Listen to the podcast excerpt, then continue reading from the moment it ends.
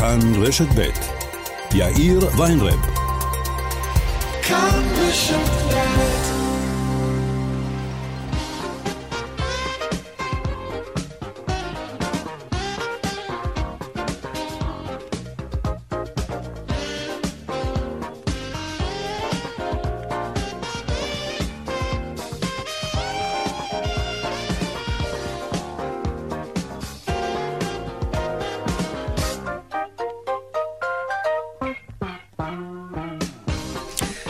קצת אחרי ארבע ועוד ארבע דקות, כאן צבע הכסף ברשת ב', יום ראשון, שלום רב לכם, שבוע טוב, העורך רונן פולק, המפיקה היום עירונית גור אריה, טכנאי השידור שלנו אריאל מור, אני יאיר ויינרב, מעכשיו עד חמש, אנחנו מיד מתחילים.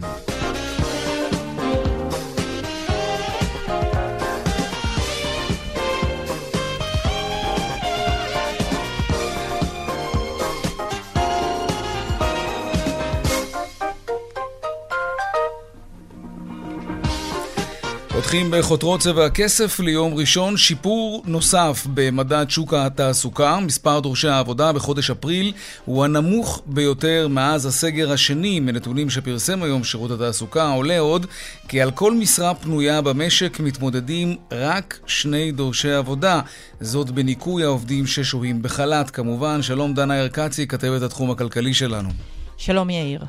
אז בחודש אפריל מספר תובעי אה, דמי האבטלה עמד על כ-491 אלף אנשים. מדובר בירידה של כ-14 אחוזים, וזאת בהשוואה לחודש מרס. אז מספר אה, אה, תובעי דמי האבטלה עמד על למעלה מחצי מיליון אנשים. מספרם המצטבר של כלל דורשי העבודה ירד ב-13.5 אחוזים. עיקר הירידה בקרב דורשי עבודה ששהו בחל"ת.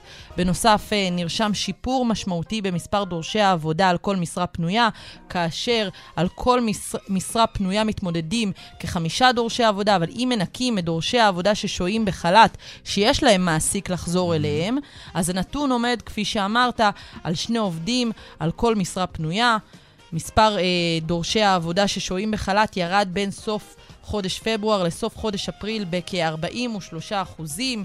מספר דורשי עבודה שאינם בחל"ת ונותרו ללא מעסיק בקצה ירד ב-6 אחוזים בלבד באותו פרק הזמן.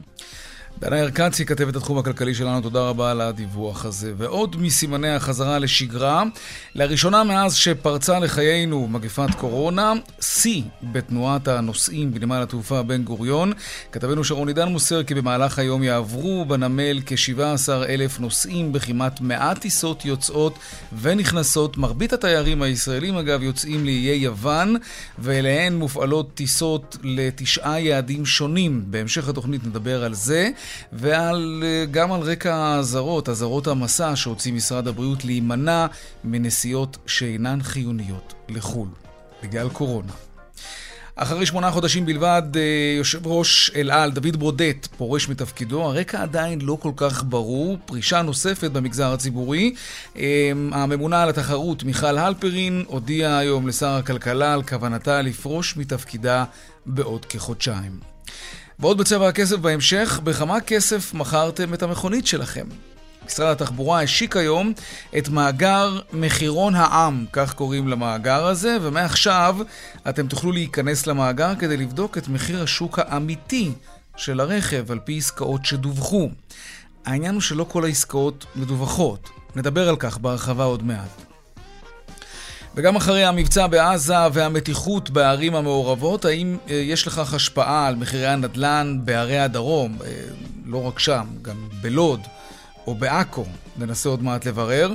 ועוד בהמשך, כיצד השפיעו האירועים הביטחוניים, בעיקר בפנים הארץ, על העסקים במגזר הערבי? האם הקריאות לחרם שהופצו ברשתות החברתיות אכן השפיעו? האם יהודים לא קונים אצל ערבים עכשיו? והדיווח משוקי הכספים, כרגיל, לקראת סוף השעה, אלה הכותרות, כאן צבע הכסף. אנחנו מיד ממשיכים.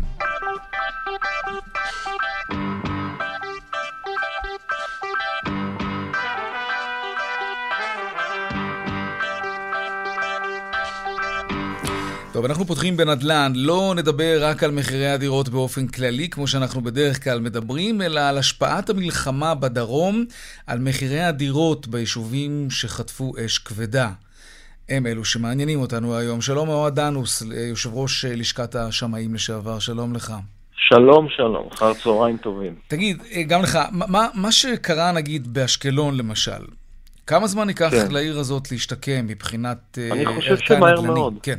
אתה יודע, אני עורך איזה שהן סקירות רבעוניות למחירי הדיור, ואני mm-hmm. רואה כבר מספר שנים שכמות העסקאות באשקלון, באשדוד, היא גבוהה מאוד.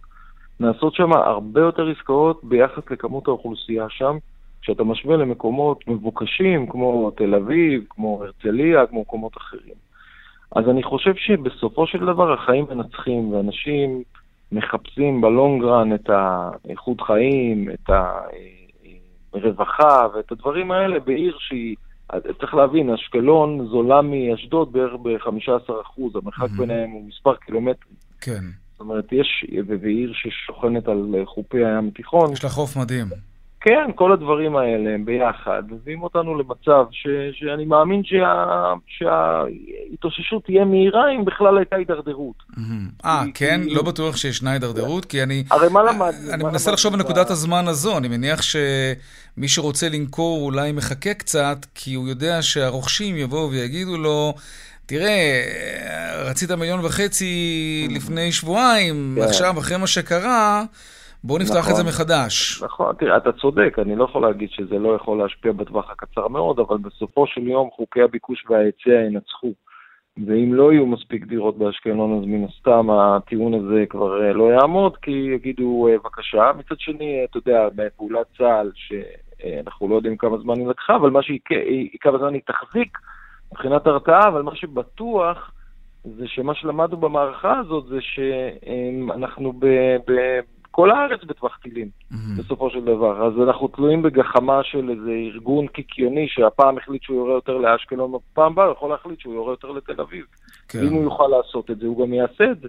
כי הוא ירה כמה שהוא יכול. אז בוא, בוא נדבר רגע על uh, ממ"דים. Uh, ראינו שרק באשקלון, למשל, יש עשרות, 40 אלף תושבים שהם גרים ללא מרחב מוגן. כן. עד כמה ממ"ד uh, מעלה את ערך הדירה? בטח במציאות ביטחונית כזאת, יש לזה בוודאי ערך.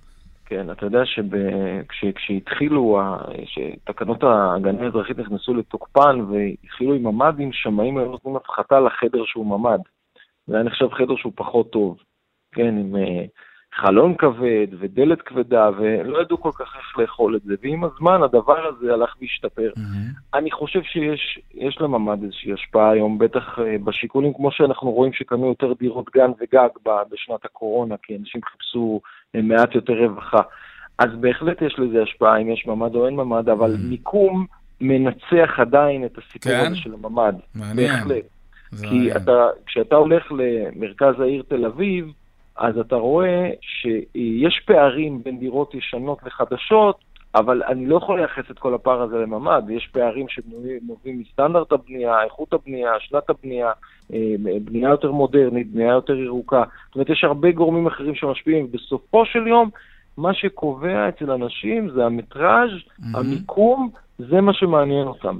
הנושא okay. אוקיי. של הממ"ד הוא נושא חשוב, אה, הוא נוחות, זה כמו חניה מקורה, כי אתה יודע, אתה אומר לעצמך, אה, מה, כל יומיים יפלו פה טילים? לא, זה אחת לכמה שנים. אה, ככה הפסיכולוגיה שלנו עובדת. אבל יש משהו שאנחנו כן לוקחים אותו בחשבון, וזה השכנים שלנו. אז בואו נדבר רגע על ערים מעורבות, עכו, חיפה, כן. יפו. מה, מה שראינו בפנים הארץ ישפיע על מחירי הדירות באזורים האלה? אז ככה, אז, אז הדבר המדהים הוא שכשאתה בודק בדיקה היסטורית אה, עשור לאחור, אתה רואה שמחירי הדירות בעכו, לוד, רמלה, נוף הגליל, מה שהיה אה, אה, נצרת כן, עילית כן, בעבר, כן. שהייתה אליהם, הייתה אליה הגירה חיובית של אוכלוסיות מהמגזר הערבי בעשור האחרון, אתה רואה שמבחינת ערכי מחירים, המחירים שם עלו יותר מהממוצע הארצי. אה, כן? אם הממוצע הארצי עלה ב-48%, שם העליות הן 70-80%. אז בערים מעורבות שחיים אה, בדו-קיום, צריך לומר, עד לפני שבועיים, בין יהודים לערבים, המקומות האלה, המחירים עלו יותר מאשר הממוצע הכלל-ארצי. בהחלט, כי מעניין. מה שחשוב ומה שקבע זה המצוקה. מה שכן רואים לגביהם, כן. שהמחיר שלהם ביחס לערים יהודיות, נמוך הוא יותר. מחיר נמוך יחסית. ובכל זאת, אחרי שראינו מה שראינו בשבועיים האחרונים, אז אם עד עכשיו זה דווקא בישר טובות, כלומר, בערים מעורבות, להפך, הערך הנדל"ני רק הלך ועלה, עכשיו, אחרי מה שקרה, מה צפוי להיות מבחינת הביקושים? אני, אני חושב שגם כאן החיים צפויים לנצח, ובסופו של דבר במקומות שבהם יש עודף ביקוש, אנחנו נראה שגם על כן, הדבר הזה תהיה איזושהי יש הבדל בין רקטות, שיהיו רקטות, לא יהיו רקטות. פה אתה, אתה חי, כלומר, המגזר הערבי רואה את המגזר היהודי, שעוין אותו בימים האלה, ולהפך כמובן. אה, בלי להיכנס עכשיו לשאלות הפוליטיות מי התחיל עם זה, זה לא הנושא שלנו עכשיו, כן? יש כמובן הרבה מה להגיד נכון, על זה, נכון. אבל פה אתה רואה בעיניים את האנשים שמפחידים אותך, ולא משנה מאיזה צד אתה. זה נכון, אבל אנחנו צריכים לזכור כל הזמן, ואת זה רוב הציבור יודע, שמדובר בקומץ אה, אה, מתפרעים בשני הצדדים, אולי בצד הערבי קצת יותר, אבל, אה, או אפילו הרבה יותר, אבל זה עדיין אלפים בודדים ביחס למאות בודדות, ואני לא חושב, אני חושב שרוב הציבור יודע לחיות בדו-קיום, חי בדו-קיום ואין לו ברירה, אתה יודע מה, הוא גם ימשיך לחיות בדו-קיום, ואני חושב שהעניין הזה הוא פחות ישפיע. עדיין, אני אומר, mm-hmm. אני אומר זה, זה משהו שהוא, זה נורא קשה לומר את הדבר הזה, אבל באופן עקרוני, יישובים מעורבים הם נסחרים בערכי שווי נמוכים יותר. שכונות מעורבות הן תמיד נסחרות בערכי שווי נמוכים יותר, אלה הן העובדות, אני לא מנסה חס וחלילה לקבוע איזושהי קביעה ערכית בקשר לזה, אבל זה המצב. כן, אנחנו רואים המצב... עכשיו קריאות לחרם למשל, לא לקנות אצל הערבים, אז סביר להניח שזה בא לידי ביטוי גם בעוד רבדים בחיים שלנו, וזה לא רק לא לקנות עכשיו בשווקים האלה, אלא גם, אתה יודע, שני המגזרים האלה מסתכלים אחד על השני עכשיו בצורה נכון, מאוד חשדנית נכון. ומאוד עוינת. אז... זה נכון, אבל תשים לב שעם כל זה שאומרים לא לקנות אה, סחורה אולי ערבית, אה, דירות מערבים אף אחד לא יגיד לא לקנות, אבל הערבים לא ירצו למכור ליהודים. אה, כן? אתה חושב שאנחנו יכולים לראות תופעות מהסוג הזה? זה קצת הפוך, העולם קצת הפוך בעולם הנדל"ן. דברים עובדים קצת אחרת. כן, אנשים ירתעו אה, למכור לערבים, יהודים לא, ירתעו לא למכור. לערבים וערבים ירתעו לא למכור ליהודים? ערבים, הרבה פעמים ערבים, ערבים לא נרתעים מלמכור ליהודים, הם נרתעים על רקע הפחדה או איזה שהם איומים לא למכור ליהודים. Mm-hmm. אבל אני אומר, אני לא רואה בעיה של יהודים לקנות מערבים, אני לא רואה, אני בטח לא בנדל"ן, אתה יודע, זה לא מסחר, זה לא חנות, מסעדה או משהו שאתה צורך שירותים כן. ממישהו שאתה לא חייב אותם, דירה זה משהו אחר. בסופו של דבר, הדו-קיום בנדל"ן מתקיים, אמ-המ. יש לו את הכללים שלו, אני לא אגיד לך שהוא נקי מכל שיקול זר, אבל בהחלט הוא, הוא יכול להוות דוגמה להרבה ענפי מסחר אחרים שאולי היום באמת נעצרו. שמענו שביומיים, שלושה האחרונים, בסוף האחרון, באמת אה, העסקים במגזר הערבי אה, נהנו פחות מ... מ כן. אנחנו שמענו דיווחים שממש נעצרו, כן. כן, טוב, אבל הזמן יעשה את שלו, כי המציאות חזקה כנראה יותר מכל דבר אחר, ואנחנו כאן כדי להישאר, נכון מאוד, כולנו. נכון מאוד. אוהד אנוס, מומחה הנדל"ן שלנו, ויושב ראש לשכת שמאי המקרקעין לשעבר, תודה רבה לך. תודה, תודה. עכשיו אנחנו רוצים uh, לצלול לעניין הזה של ערים uh, מעורבות. נדבר על לוד. Uh, לוד זו עיר שנהנתה מתנופת בנייה ונדל"ן מטורפת בשנים האחרונות. זה בא כמובן לידי ביטוי גם בעליית המחירים בעיר. שלום שבי שניאורסון, זכיינית של אנגלו-סקסון ויועצת נדל"ן בעיר לוד. שלום. שלום, אחר הצהריים טובים. אז נגמרה החגיגה, כמו שאומרים? האמת היא שלא. לא? אני חושבת שאנחנו רק בתחילתה.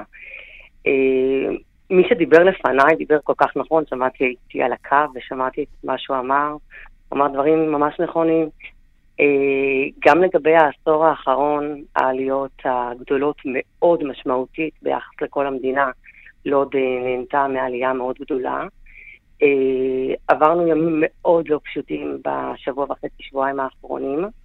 אה, במיידי אנחנו רואים את, ה, את ה, מה שקורה פה, זאת אומרת, אנשים התקשרו לבטל חוזים, היו 13 כן, חוזים התקשרו? על הפ... כן, בוודאי. אה, רגע, בואי בוא, בוא נתעמק בזה רגע.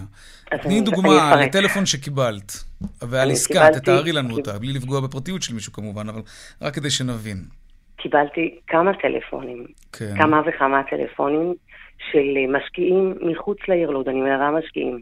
Mm-hmm. והם התקשרו אליי ואמרו לי, אנחנו כרגע חוששים, אנחנו רוצים להקפיא עד יעבור אותם. Mm-hmm. קיבלתי כמה טלפונים כאלה, אה, זה היה בתחילת שבוע שעבר. היום קיבלת טלפון אחר כבר? היום, כן, בהחלט. זאת אומרת, קודם כל ביטלו, גם שמאים שהיו בדרך ללוד ביטלו את ההגעה שלהם, אה, לקוחות שהיו צריכים להגיע לפגישות ביטלו, וזה מובן, אני שבוע וחצי לא עבדתי, המשרד היה סגור, וכל כן. המסופונים לא עבדו. היום פתחנו את זה, יש לי מבול טלפונים אה, של לקוחות שמתקשרים, אנחנו רוצים לקנות דירות להשקעה. עכשיו, הם חושבים, ו, ונורמלי לחשוב בצדק, שאולי תהיה ירידה. ירידה כזו או אחרת. יכול להיות שזה מה שמעניין כן, אותם באמת. כן. ולכן כן. הם מתקשרים ואומרים לי, אנחנו מעוניינים לקנות uh, דירות בלוד. יתרה מכך, הם מבקשים ואומרים, אנחנו רוצים ברמת אשכול. רמת mm. אשכול זה השכונה הבוערת. כן. אנחנו רוצים לקנות דווקא שם. רגע, אבל מה החצי השני של המשפט שהם אומרים? יכול להיות שמה שאת אומרת זה נכון. כלומר, הם מחפשים מציאות עכשיו? נכון, אבל אין, אין. אנשים לא מורידים. לא מורידים. זאת אומרת שאנשים לא מורידים מחירים. אבל אני חייב להקשות עלייך בעניין הזה. כמו שהקשיתי, ניסיתי לפחות, על אוהד דאנוס. תראי, כשחושבים על זה, מרקם חברתי כל כך עוין, שיכול להתפרץ ככה פתאום, כמו שראינו, בלי התראה מוקדמת, למה שמישהו יעבור למקום כזה, או יקנה שם דירה להשקעה? למה? זה, זה נראה לא יציב הסיפור הזה, בטח בנקודת הזמן הזו. אם נדבר עוד חצי שנה, תגידי, תראה, היה פה שקט, ועשו פה סולחת המוניות בין יהודים לערבים, אז בסדר, אפשר לשכוח, אנחנו יצורים עם זיכרון קצר. עכשיו, עכשיו, כשהכול הוא כל כך טרי? קודם כל, אנשים באים כי הם חושבים שאולי יהיה מציאות. מבחינתם, כי הם, הם תמיד יודעים שלוד תמיד תישאר מרכז, מרכז המדינה. מרכז, אה, מרכז הארץ, בין תל אביב לירושלים, בין ראשון לציון למודיעין. אנחנו תמיד נשאר השער של המדינה, זה אחד. גם מבחינה דמוגרפית, יש כאן אה, ילודה מאוד גדולה, גם של ערבים, גם של חרדים, גם של אה, אה, גרעין תורני, זאת אומרת, אנשים, זה, זה גודל וצריכים עוד ועוד דירות. ואין כאן עתודות בנייה בשפע שאנחנו יכולים uh, לבנות עליהן. Uh, מצד שני גם יש uh, גירושים ויש גם חתונות וצריכים mm-hmm. עוד ועוד דירות. עכשיו, אנחנו המרכז הכי שפוי מבחינת מחירים. המחירים הכי זולים במרכז הארץ זה בלוד. כל מה שמסביב זה בכמה מאות אלפי שקלים רציניים. אז אנשים עושים, אנשים עושים חישוב כזה. גם עדיף לנו לקנות כאן דירה להשקעה, שאנחנו יודעים שבעוד מספר שנים היא תעלה משמעותית. אנשים לא באים לקנות רק בגלל התשואה, שהיא תשואה לא רעה, אבל מכיוון שהמחירים פה ממשיכים וממשיכים לעלות, זה, זה המצב. ולכן היום מתקשרים הרבה יותר, כי הם אומרים, וואו, בואו בוא נקווה שלפעמים כשיש ירידה בבורסה, mm-hmm. וואו, עכשיו נקנה כדי ש... בדיוק. אבל צר לי לאכזב שאין ירידות. ובסוף השבוע באמת נחתמו כבר שתי חוזים. היום התקשרו אנשים שביטלו שבוע שעבר, לפחות שניים, הם אמרו שהם רוצים לחזור לתמונה. תגידי, את, אומרת, את, את נתקלת בתופעה של, עוד לפני המהומות האלה, אני, מעניין אותי ככה להציץ על המרקם החברתי אה, לפני המהומות והפרעות האלה. את נתקלת בתופעה של אה, ערבים שלא מוכנים למכור ליהודים ולהפך, יהודים שלא מוכנים למכור לערבים? תמיד אה, דברים כאלה נמצאים מתחת לפני השטח. אני יכולה לומר לך, כרגע ששבוע שעבר היה לי אה, עסקה ברמת אשכול, שמי שמכר שם זה היה ערבי, והלקוח שלנו היה יהודי, והוא התקשר לבטל, הערבי.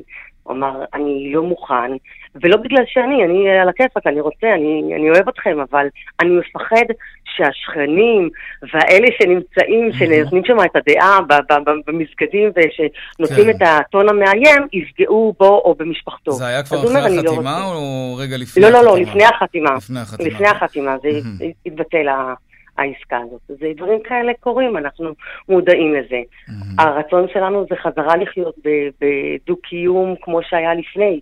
עד לפני שבועיים הסתובבתי חופשי ברמת אשכול, גם בשמונה ותשע בערב. את גרה שם? והראיתי... לא, אני גרה בשכונת חב"ד, mm-hmm. שכונה של חרדים. Okay. אוקיי. אה, ורמת אשכול, שם זה 30 אחוז מהאוכלוסייה היא מגזר ערבי, וכ-30 אחוז זה, זה גם גרעין תורני וגם אה, וגם יהודים בכלל. חברויות ממש יש שם, תגידי, בשכונה הזאת?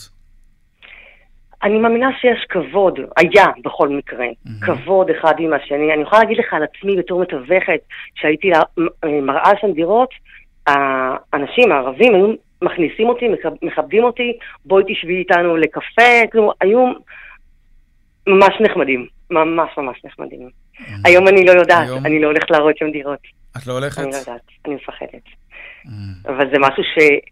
שלא היה קודם, זה משהו שכרגע יש. אני מאמינה ומקווה שבעתיד ה... כמה זמן, מה זה העתיד הזה? מתי תוכלי להמשיך? אני לא יודעת. אני לא יודעת לומר, ושוב, זה נקודתי, רמת אשכול. שאר העיר, אני כבר, אני שמחה, הרי שבוע. וחצי הייתי בבית סגורה עם כל המשפחה. היינו חמישה משפחות בבית אחד מפחד גם של הטילים, וגם אה, היה פרעות בלוד, ממש ברמה כזאת.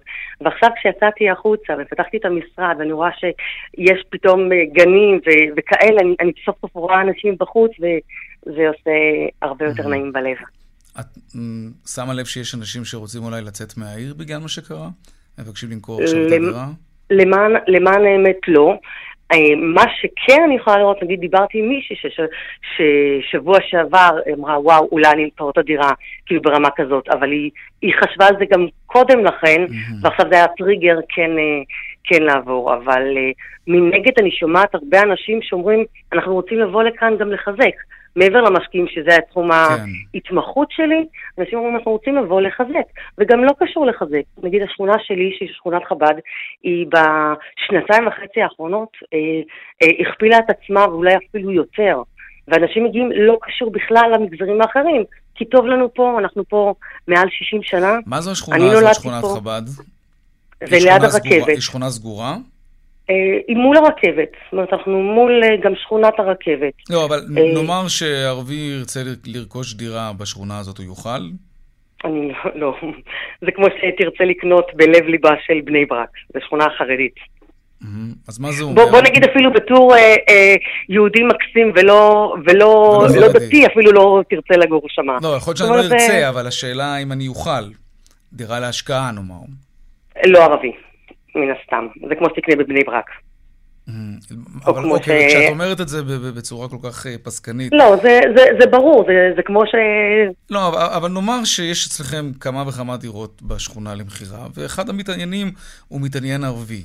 מה זה אומר? שאת לא, לא תנסי לתווך כזה? זה סימן שהוא לא מחובר, זה, זה, הוא לא מחובר למציאות, זה לא, לא קשור.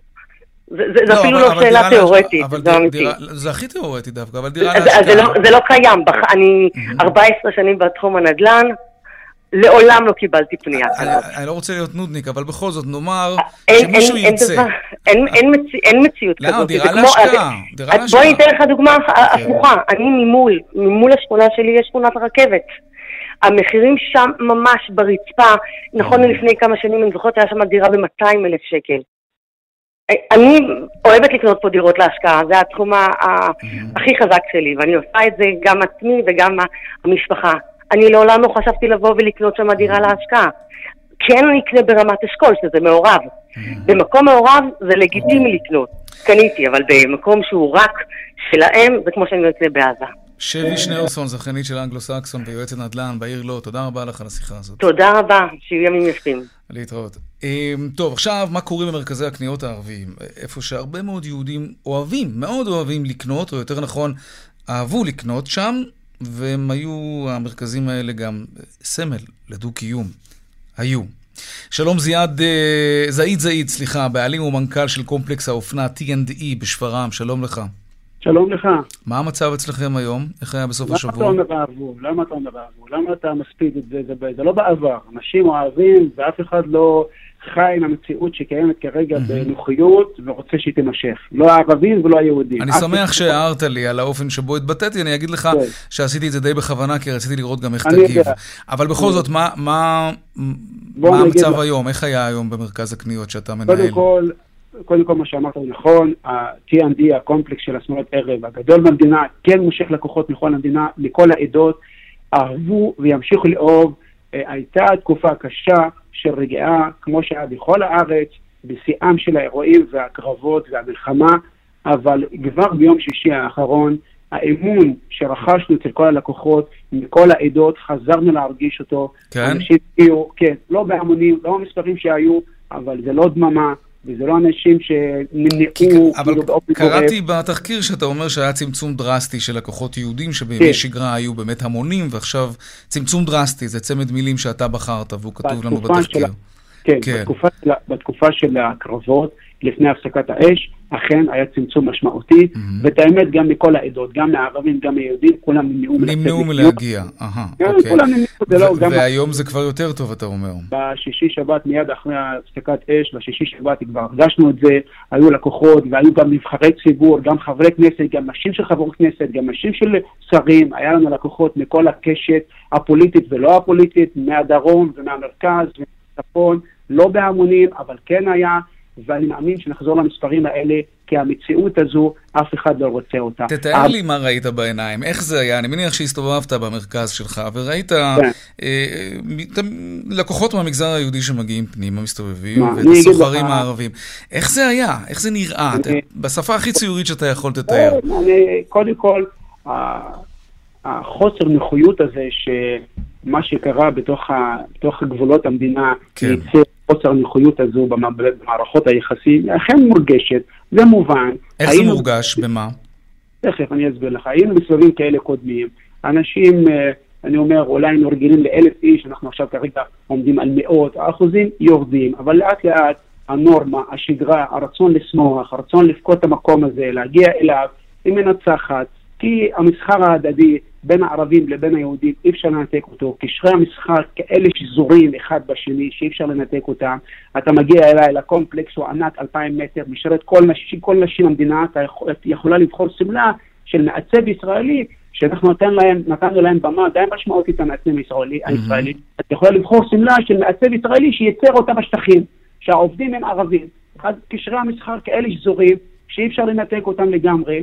והם יחזרו, ואני מאוד אופטימי, היינו בסבבים קודמים. אני מאוד... תגיד, כשאתה רואה, אבל אני מניח אתה גולש באינטרנט, יש לך כן. אה, דפים ברשתות חברתיות. כן. כשאתה רואה את הקריאות ליהודים לא לקנות אצל ערבים, ויש כאלה לא מעט קריאות בימים האחרונים, מה אתה רוצה להגיד לכל מי שקורא לחרם על סוחרים ערבים? אה, חבל, אני לא בעד השיח הזה. אני, תשמע, אני מייצג את המקום שלי, את קומפלקס T&D, ולא מייצג את, אה, לא מייצג את הדעות האלו, ואני גם לא אוהב להתייחס לזה יותר מדי. אני יודע להגיד לך שהנורמליים הם הרוב, והמסחר יחזור להיות גם במתחמים של המגזר היהודי ובביג ובקניונים למיניהם, וגם בתוך המגזר הערבי זה יחזור. ואני בטוח מזה, הרגשתי כבר בסוף שבוע האחרון את החזרה לשגרה, זה יחזור וזה יתעצם. Mm-hmm. אנחנו לפחות, המקום שלנו, הקומפלקס שלנו, רכש אמון רב מאוד בכל המדינה. כל אישה שרוצה שמלת ערב ושמלת כלה יודעת ש-T&D בשפרעם, בכניסה לשפרעם, הוא הכתובת של המקום הזה, והיא מגיעה למקום אוקיי, בוא נימנע מפרסומת, אבל תגיד, אה, אה, אני שומע גם את העברית שיש גרועה בפיך, אני מניח שיש לך לא מעט חברים יהודים, קשרים אישיים, לא קשרי מסחר, אני טועה? יש, כן, ויש, ולא נותק לא, לא הקשר הזה גם לא, לא, אפילו ליום אחד, ובאופן רציף וכל הזמן מדברים... אבל לא התעלמתם ממה שקרה, ספר לי איך זה בא לידי ביטוי בכל זאת. תראה, אה, מלא טלפונים, אנשים מתקשרים, שלום, זה בטוח, אפשר להגיע, זה בסדר להגיע, איך המצב בשפרעם, אולי למזלנו ששפרעם הייתה יחסית שקטה לעומת אזורים אחרים במדינה. יש חברים ו... שנעלמו? חברים שאתה נעלמת להם בגלל המצב? לא, לא, מה שסיפרתי לך כרגע זה קשור יותר ללקוחות. לקוחות שהיו מתקשרים כבר בסוף שבוע הזה לוודא שהכל רגוע ואפשר להגיע, mm-hmm. זה חלק מהמתיחות הזו שאתה מרגיש, ששיחות האלה לא היו לפני, אנשים היו עולים על הרכב ומגיעים. עכשיו אתה מרגיש שרוצים יותר תחושה של ביטחון, שמישהו בצד השני נותן אותה. אבל ברמה של החברים, אנחנו באופן יומיומי בקשר, בקשר טלפוני, גם חברים, גם ספקים, יש לי ספקים כן. יהודים, אני מדבר איתם יום, יום, יום, יום. דנים ומדברים, ואופנה ולא אופנה. תגיד, ביום רביעי, אם אני זוכר נכון, תקן אותי אם אני טועה, הייתה אזעקת צבע אדום בשפרעם, נכון? נכון, הייתה. הטילים שהגיעו מלבנון. נכון, אבל מה זה אומר בעצם? ששפרעם חלק מהמדינה הזו, ובעצם כל מה שתעבור המדינה, גם משפרעם תעבור, וגם כל היישובים האלה, היישובים הערביים יעברו. כך שגם אנחנו במצב ובגורל אחיד, ואנחנו צריכים לדעת לחיות טוב מאוד, כי אנחנו כן יודעים, כי הרוב כן יודע לחיות, כי הקבלות של שנים אחורה הוכיחו שכן הדו-קיום הזה מביא קבלות, ויש, אה, אני עד לתקופה של שגשוג מצוין, אה, שנמשך לא, לא מעט שנים, לא מעט שנים, אני, התקופה הזו של השבוע, עשרה ימים האחרונים, לא מייצגת. אם תלך אחורה עשרות שנים זה היה מצוין. ואגב, מלא חברות בבעלות יהודית השקיעו הון עתק בתוך המגזר הערבי, ומי שמנהל את הנכסים שלהם בתוך המסחר שלהם, בתוך המגזר, הוא עובדים ערבים. אתה יכול להיכנס לסופר, לקנות איזה מוצר מהמדף, שהחברה שלו היא בעלות יהודית, אבל mm-hmm. אנשי השיווק ואנשי הייצור והנהלה חלקם ערבים, אז אי אפשר לנתק את זה. והאמירות האלה של חרם, זה לא יעבור, זה לא יהיה, כן. זה לא היה ולא יהיה. זה תיאורטי, במעשי, בפועל, אנחנו שזורים אחד בשני, ואני רוצה שזה ימשיך להיות ככה. ואני אפעל שזה יהיה ככה. ואני מזמין כל הנשים שיבואו וישמחו ויתלבשו בשמאלות הכי יפות ב-T&E, ואני מבטיח להם שיצאו עם שמאלות ועם חוויה הכי בטוחה והכי כיפית. כולנו רקמה אנושית אחת חיה, לא? ככה אומרים. בהחלט. בעזרת השם, רק אושר ושמחות. כן, זעיד. סבלנו קורונה, שנה שחלפה, כרגע הכל טוב לפנינו. זעיד זעיד, פעלים ומנכ"ל של קומפלקס שפרעם T&E אה, בשפרעם. תודה רבה. תודה, תודה, תודה. דיווחי תנועה עכשיו.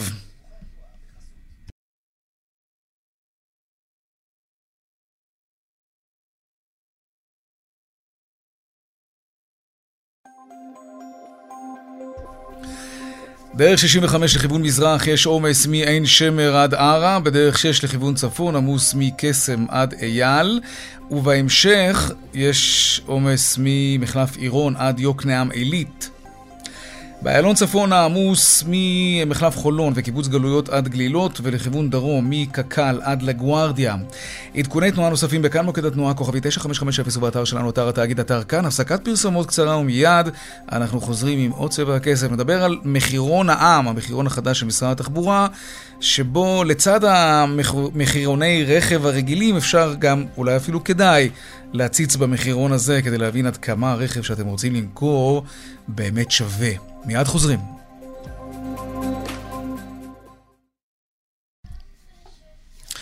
שלושים ושבע דקות אחרי השעה ארבע, עכשיו קצת פוליטיקה, אבל עם זווית מאוד מאוד כלכלית. בגלל התקיעות הפוליטית, בין היתר, אין תקציב מדינה, אז מה עושים? אה, מחלקים את התקציב הקודם ל-1 חלקי 12, אבל, אבל, אבל מה עם הכספים הקואליציוניים? יש הסכמים, לא? אז פשוט מגדילים את התקציב. למרות שאין תקציב. בג"ץ נתן את דעתו עכשיו ל... לא יודע איך להגדיר את זה אפילו, של עמוד שפירא, כתבנו לענייני משפט. כן, שלום יאיר, ואתה לוקח אותנו באמת אה, בחזרה אה, לשאלת התקציב. התקציב שלא היה למעשה כן. לשנת 2020, כאשר בסוף השנה הזו, באיזה הסכם, באיזה פשרת האוזר, זה כך זה נקרא כן. אה, בזמנו, הייתה חבילה של 11 מיליארדי שקלים שאושרה כחלק מחוק יסוד הכנסת. שינוי והיום... של חוק יסוד הכנסת בעצם, זה מה שהם עשו. נכון, והיום בעצם בג"ץ, כן. ברוב דעות של שישה שופטים נגד שלושה, קובע שהמ... המהלך הזה, למרות שהוא לכאורה כבר התבצע, הוא לא חוקי. אה, רק דת עמית אמרה שאין לקיים דיון תיאורטי, אבל בכל אופן, אה, הייתי אומר שזה צופה פני עתיד, שזה כדי שזה לא יקרה שוב, בג"ץ אה, כן מתערב ואומר, אין למהלך הזה שום סממנים של אה, חוק אה, יסוד, וצריך לומר, אה, זה, יש כאן אמירות באמת חד משמעיות של הנשיאה אסתר חיות בעניין הזה, והיא אומרת, באופן כללי גם היא אומרת לגבי שנת 2020, שהשנה הזו, כמו שהיא הכתה, נגיף הקורונה היכה וגבה מחיר בשנה הזו, גם הנושא של המשפט החוקתי בישראל לא האיר פנים, והיא אומרת באמת את הדברים הללו. מדינת ישראל הייתה ועודנה אה, אה, נמצאת במשבר פוליטי חסר תקדים, ונראה כי חוקי היסוד, כמו גם תקציב המדינה, הפכו לכלי משחק במשבר הזה. הכנסת בכובעה כרשות מחוק... מכוננת קבעה זה מכבר, מכבר את האיזונים. בכל אופן, היא אומרת שהדבר הזה, השתמשו בו אה, אה, בסמכות המכוננת הזו לרעה, mm-hmm. ולכן בשורה התחתונה היא קובעת מה שנעשה היה אסור להיעשות, אבל מכיוון שזה כבר נעשה, וזה. אבל... כצופה פני עתיד, בעצם היא אומרת שלא יהיה ניתן לעשות את זה שוב. זה, זה בעצם אומר שסתם, תאורטית, אם יהיו בחירות uh, חמישיות, או אם לא יהיו בחירות חמישיות, ובכל זאת נתקדם לשנת התקציב הבאה, יהיה מאוד קשה לחמוק מ- מלהעביר תקציב של ממש, נכון? אחרי פסיקה לא... כזאת. לא יהיה אפשר לחזור על אותו תסריט שראינו שמשכו ומשכו ומשכו את כן. האישור של התקציב.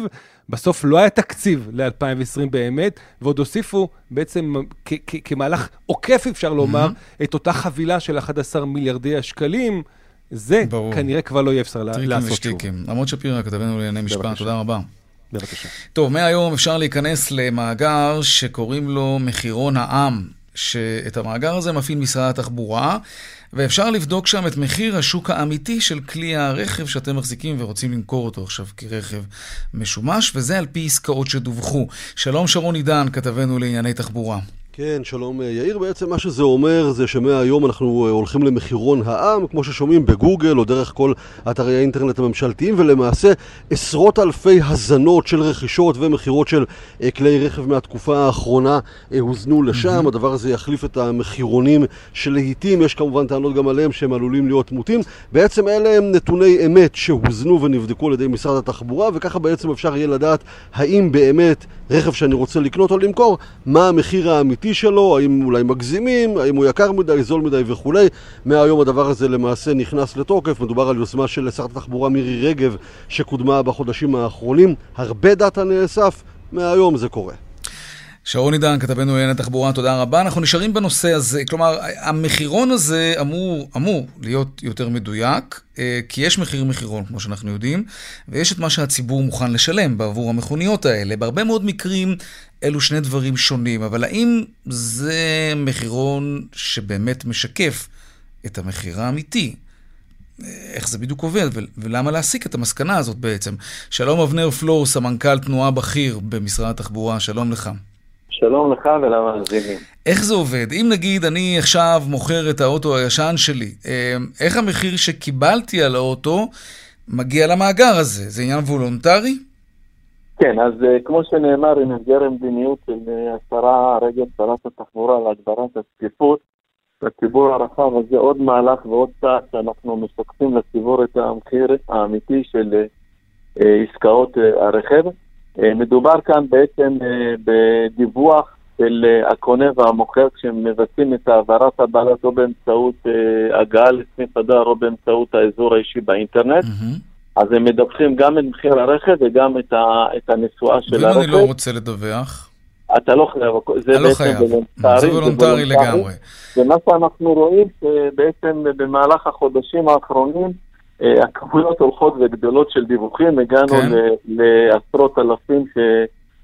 שדיווחו ומדווחים אה, מדי חודש וחודשו. Mm, זה בעצם סוג של רשת חברתית כזאת לענייני מחירי רכב משומש. לכן זה נקרא סוג של חוכמת ההמונים, כן. בדיוק, בדיוק. לכן זה מחירון העם, וככל שידווחו יותר, וזה גם אני קורא לציבור, ככל שידווחו יותר, ככל ש... יהיה לנו יותר מידעים ונתונים, אז בעצם נקבל את המחירים עד כמה mm-hmm. שניתן קרוב למציאות. תגיד, אבל איך אני יכול לדעת שהדיווחים האלה הם לא קשקוש מקושקש? הרי אין לזה בקרה, אנחנו לא באמת יודעים. זה לא כמו בנדל"ן, שאתה מדווח לרשות המיסים, אז אפשר באמת לראות באזור הזה, הדירה הזאת, ברחוב הזה, נמכרה במחיר כזה וכזה. פה, אתה יודע.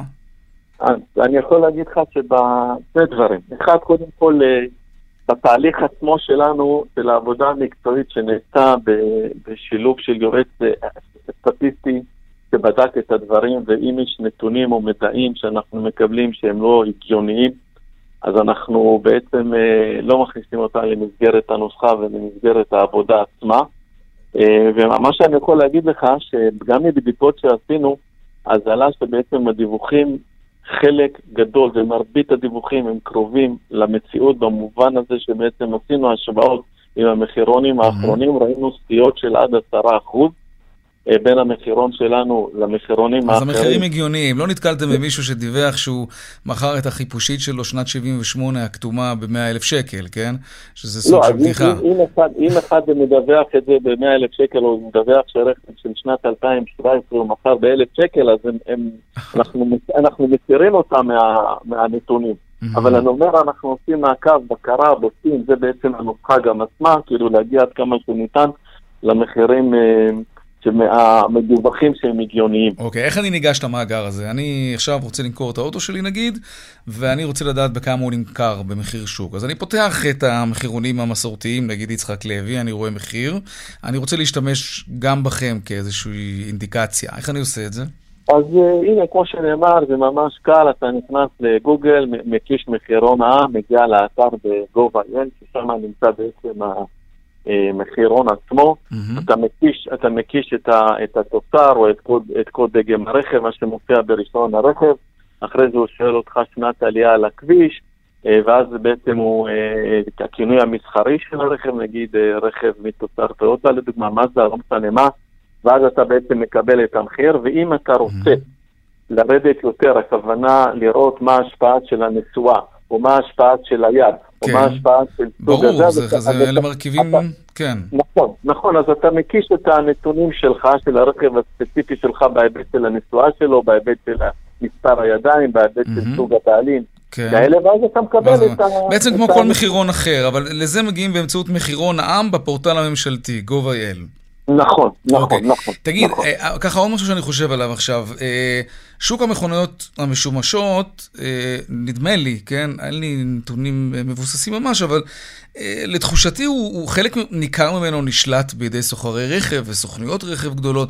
לכאורה, בתיאוריה, אה, הן יכולות לדווח מחירים באופן כזה שיגרמו אולי קצת להטייה של המחירים משיקולים עסקיים. לא? אז אני... כן, מדובר אני, פה במסות אני... גדולות מאוד, ששוכר רכב כן, גדול יכול להזין נתונים אני... כאלה ואחרים.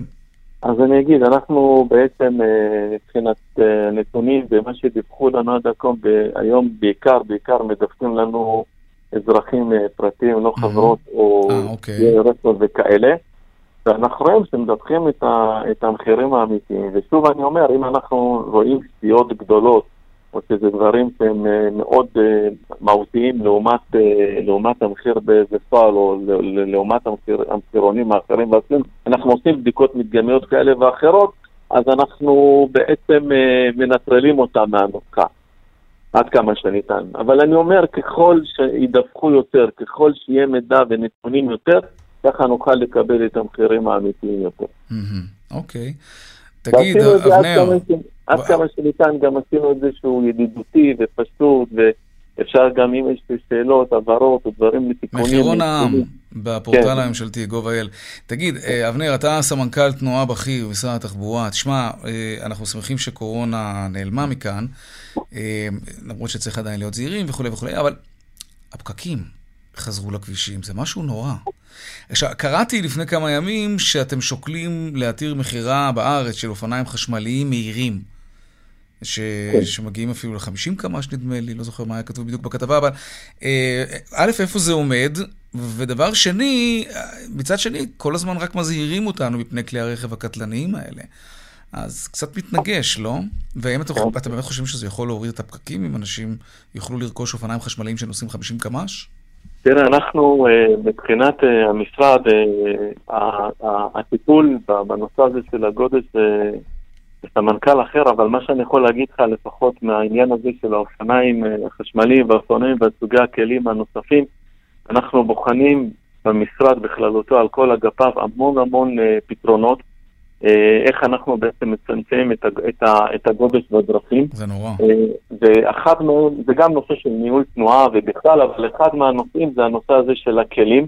אנחנו מאמינים, כמו שזה קיים בהמון מדינות, גם באירופה, במדינות המערב המתקדמות, השימוש של הכלים האלה בעצם אה, מוריד מהכביש, אה, לפחות בעיקר, בעיקר גם ב, ב, ב, אם זה במרכזי הערים או בכניסה לערים, מוריד כלי רכב. אה, מדובר בתהליך שעשינו לשימוע ציבורי של הכנסת כלים, שבעצם סוגים חדשים ונוספים שלא היו קיימים היום, כלים שנוסעים עד 45 קמ"ט, כלים תלת גלגליים, ולא, ולא רק דו-גלגליים, כלומר שאנחנו נותנים עוד כן. היצע ומגוון גדול של כלים שהציבור יכול לרכוש, ואנחנו מאמינים שגם הציבור אה, יוכל לרכוש גם במחירים אה, מוזלים וזולים, מכיוון שההיצע אה, והמגוון יהיה גדול, אז ככה שיוכלו בעצם לרכוש את זה במחירים מוזלים. יחד עם זאת, גם ביחד עם משרד האוצר, אנחנו גם בוחנים את הנושא של הביטוח. ושוב ושוב אני אומר, אל תשכח שכלים חדשים מגיעים עם מערכות בטיחות מתקדמות, עם אמצעים של הרוכב, ככה שאני מאמין שגם ישפר את רמת הבטיחות okay. אוקיי. של, ה, של הרוכב והכלים. אבנר המהנדס, אבנר פלור, סמנכ"ל אה, תנועה בכיר במשרד התחבורה, תודה רבה לך על השיחה רק, הזאת. רק משפט אחרון שוב, אני חוזר, כן. ככל שידווחו יותר, ככה נוכל לקבל את המחירים. מחירון העם, לדווח, כן. לא להתבייש, כן. גם אם נאלצת כן. למכור במחיר, ביקשת 27, נתנו לך 22, תדווח בכל זאת, למרות שזה מביך בינינו. טוב, תודה רבה, אבנר פלור. תודה. להתראות, דיווחי תנועה עכשיו.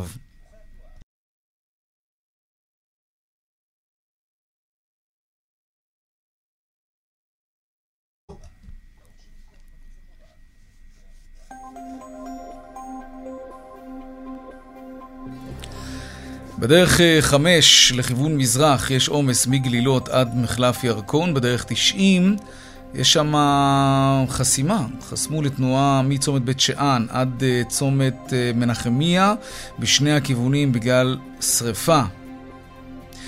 דרך תל אביב אשדוד עמוסה ממחלף השבעה עד מחלף ראשון לציון. עדכוני תנועה נוספים וכאן מוקד התנועה כוכבי 9550 באתר שלנו, אתר התאגיד, אתר כאן. אנחנו ממשיכים עם צבע הכסף. כן, הבוקר בנתב"ג, אריה, קודם כל חסות, מיד אנחנו נמשיך עם נתב"ג. הבוקר אה, בנתב"ג, סיפרנו לכם קודם, גידול ממש חד בתנועת הנוסעים. הצפי הוא שבמהלך היום הזה יעברו בנמל התעופה בן גוריון כ-17 אלף נוסעים בכמעט 100 טיסות יוצאות ונכנסות, כך סיפר לנו שרון עידן. אבל לא הכל באמת אה, כל כך חלק וורוד. משרד הבריאות מזהיר במקביל את הציבור מנסיעות לא חיוניות לסיישל, לארגנטינה ולרוסיה, וזאת בגלל תחלואת קורונה שעדיין משתוללת בחלק מהעולם. שם, כן, קורונה. שלום זיו רוזן, מנכ"ל קבוצת גוליבר. שלום, ערב טוב. נתחיל uh, באזהרת המסע, סיישל, ארגנטינה, רוסיה. אנשים בעקבות האזהרה הזאת, אזהרת המסע הזו, uh, נמנעים לטוס לשם מאז שהתפרסמה?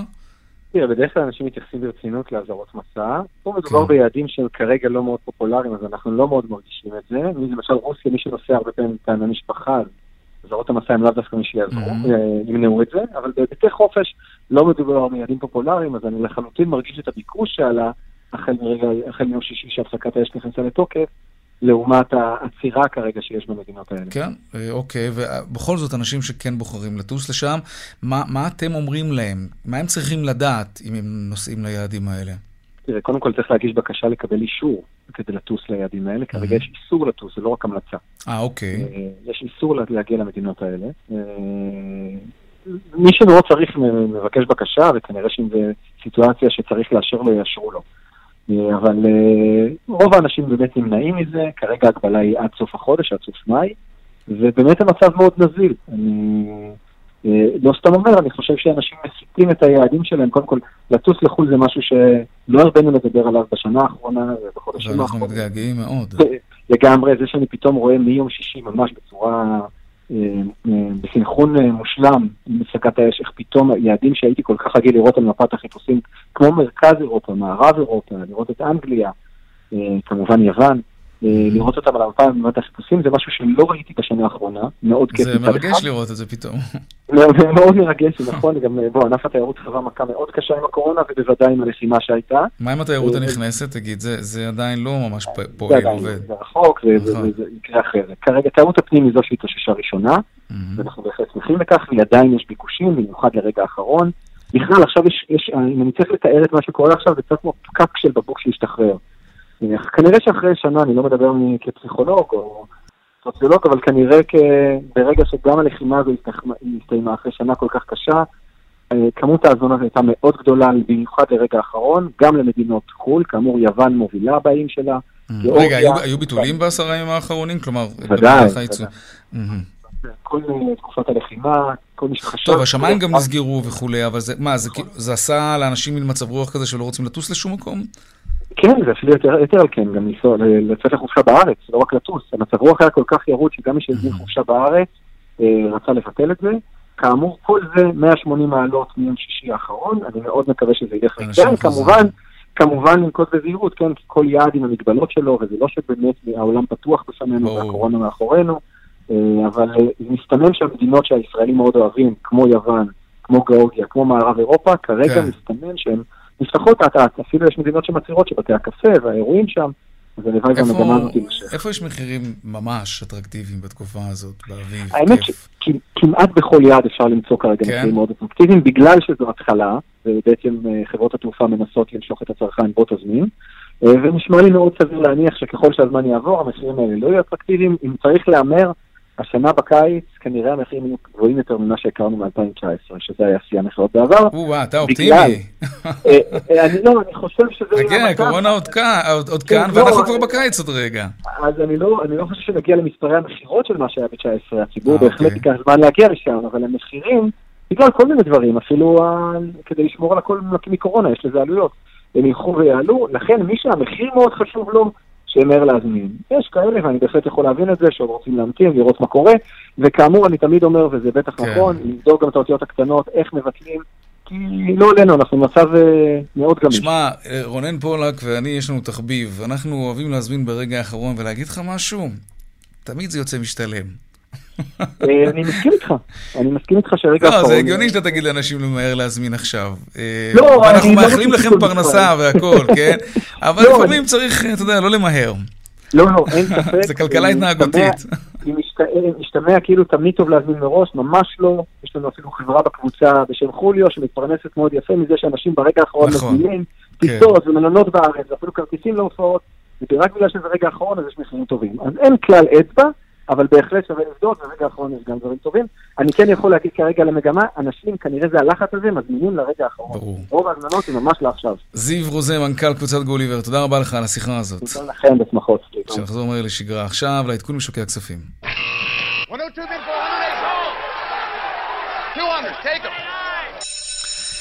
שלום רונן מנחם, כלכלן ראשי מזרחי טפחות. ערב טוב יאיר. ספר לנו. אז uh, בבורסה כן מיהרו לקנות היום, uh, בעקבות הפסקת האש שהוכרזה בסוף השבוע. תל אביב 35 עלה 8 עשיריות, תל אביב uh, אה, 90 עלה 2 אחוזים. כל ענפי המניות עלו היום בהובלת ענפי הבנייה והנדל"ן. עליות היו גם בענפי הנפט והגז, התעשייה והפיננסים. בלטו בעליות נערות אשטרום, אמות, מיטרוניקס ופריגו. בשוק אגרות החוב ראינו היום מגמה חיובית עם עלייה הן של טלבונד שקלי והן של אה, טלבונד אה, צמוד ובשוק המטח שנקבע שער חליפין שקל דולר שלושה שקלים 25 אגורות וחצי. ערב טוב. ערב טוב גם לך, רועי מנחם, כלכלן ראשי מזרחי טפחות. תודה רבה. עד כאן צבע הכסף ליום ראשון, העורך רונן פולק, המפיקה רונית גור אריה. טכנאי השידור שלנו אריאל מור, במוקד התנועה היה אהוד כהן, הדואל שלנו כסף, כרוכית, כאן.org.il, מיד אחרינו שלי וגואטה, אני יאיר ויינרב, ערב טוב ושקט שיהיה לנו, שלום שלום, נשתמע כאן שוב מחר בארבעה אחר הצהריים כמובן, להתראות.